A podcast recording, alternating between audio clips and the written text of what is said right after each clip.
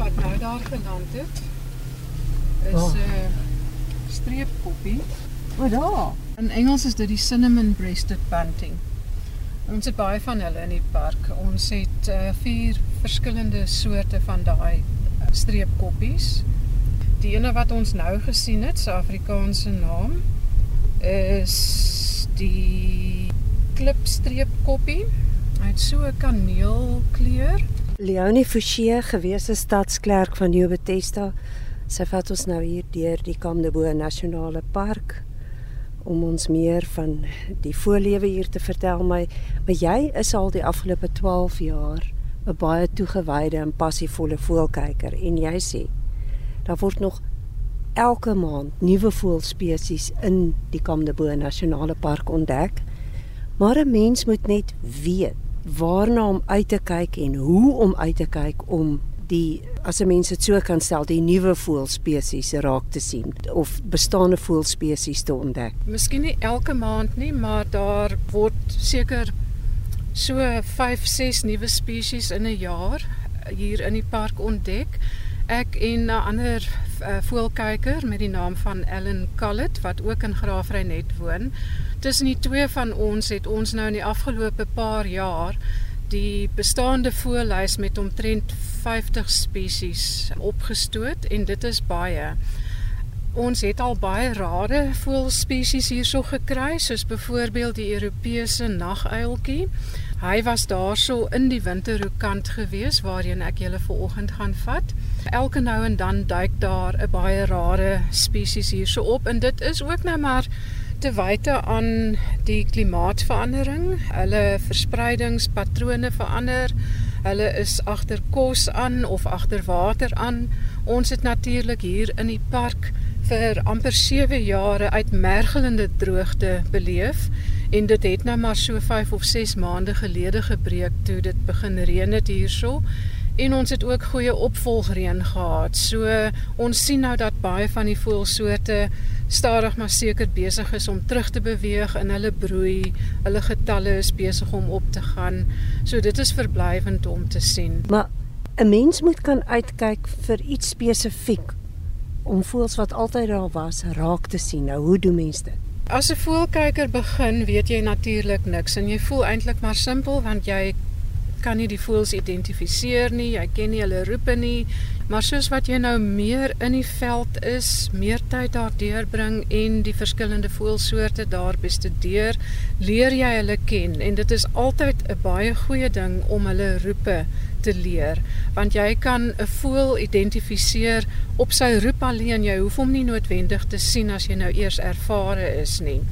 En dan weet jy later aan watse soorte kom hier voor, jy weet waar hulle aard en watse tipe van habitat jy hulle gaan vind.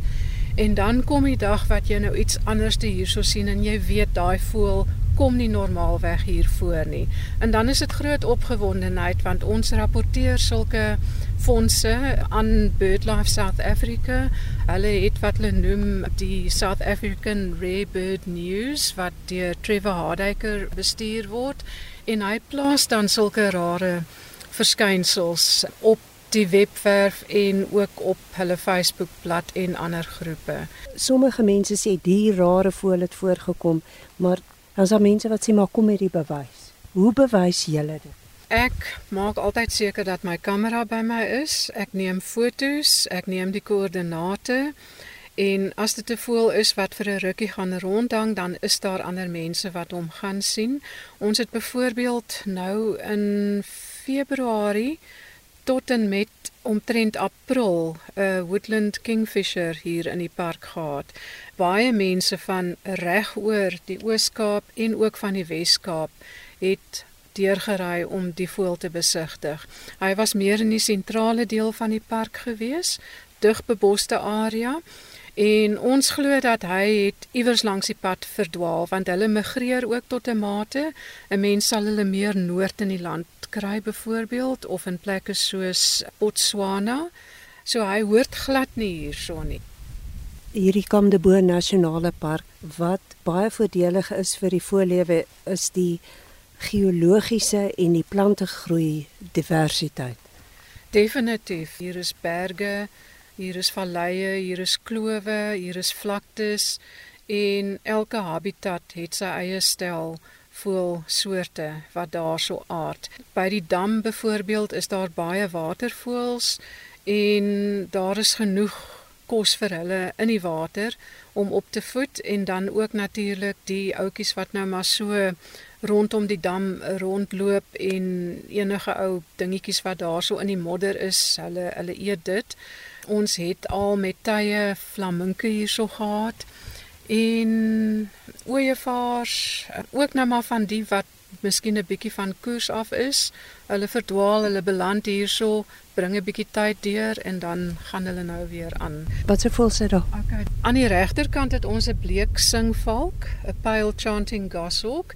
Daar is 'n hele paar van hulle hier in die park. Dit is nou 'n soort van 'n middelslag grootte roofvoël hierso in die park. En soms as jy gelukkig is, kry jy die pare wat saam sit op 'n boom en natuurlik ook gedurende hulle broeitydperk. Wat 'n klein voeltjie is hierdie?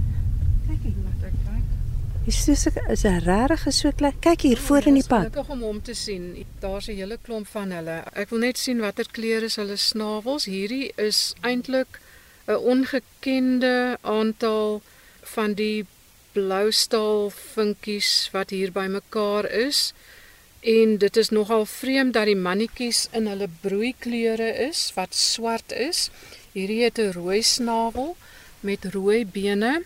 In Engels is dit die village indigo bird en baie mense kom spesiaal uit na hierdie park toe om hierdie voeltjies te sien. Ons het twee soorte wat hierso gevind kan word. Hierdie spesifieke ene wat ons nou hier het, is die staalblou vinkie en Dit is in Engels die dusky indigo bird. Dit is die gewone blou vinkie. Hy het weer so 'n witterige snavel met rooi bene. Dit wat nou sing is 'n bokmakkerie. En as jy nou kyk daarso tussen die bome, sal jy sien daar is sulke slordige grasneste. Dit is die koringvoëlneste. Hulle was nog nooit van tevore in ons park gewees nie en nou onlangs letterlik so 2 of 3 maande gelede is hulle hierso ontdek. Leonie, hier sien 'n mens nou nog 'n baie goeie voorbeeld van die sprinkaanplaag wat hier deur is. Hoe het die voëllewe hier in die park geraak? Daar het swerms van letterlik miljoene sprinkane kilometers lank hierso oor Graafry net getrek deur die veld in die veld in. Hulle het hierso gehang van die bome in die bosse soos trosse drywe en die voëls het hulle self absoluut dik gevreet. Dit was ongelooflik geweest. Maar as ek nou kyk na die veld, dan lyk dit glad nie want mense het gedink dit is absoluut nou verskroeide aarde waar die sprinkane deur beweeg het behalwe vir hierdie ouetjie wat nog hier aan die doring hang seker deur 'n laksman daar gepen. Sal mens nie eers sê hier was sprinkane deur nie. Ja, ehm um, die veld het baie goed herstel en omdat ons ook goeie opvolgreëns gehad het, wat ook gebeur is die sprinkaanmis gaan weer terug in die grond en dit het vir die plante. Dit is 'n baie belangrike siklus in die ekosisteem.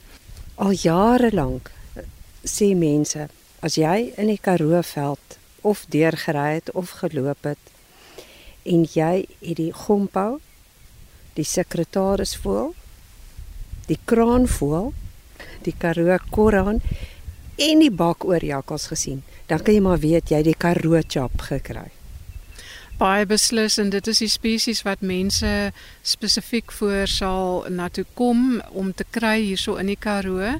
Net om weer te sê Leonie Forsie wat nou hier op Graafrynette een van die passievolle voëlkykers is onder meer in die Kamdebo Nasionale Park.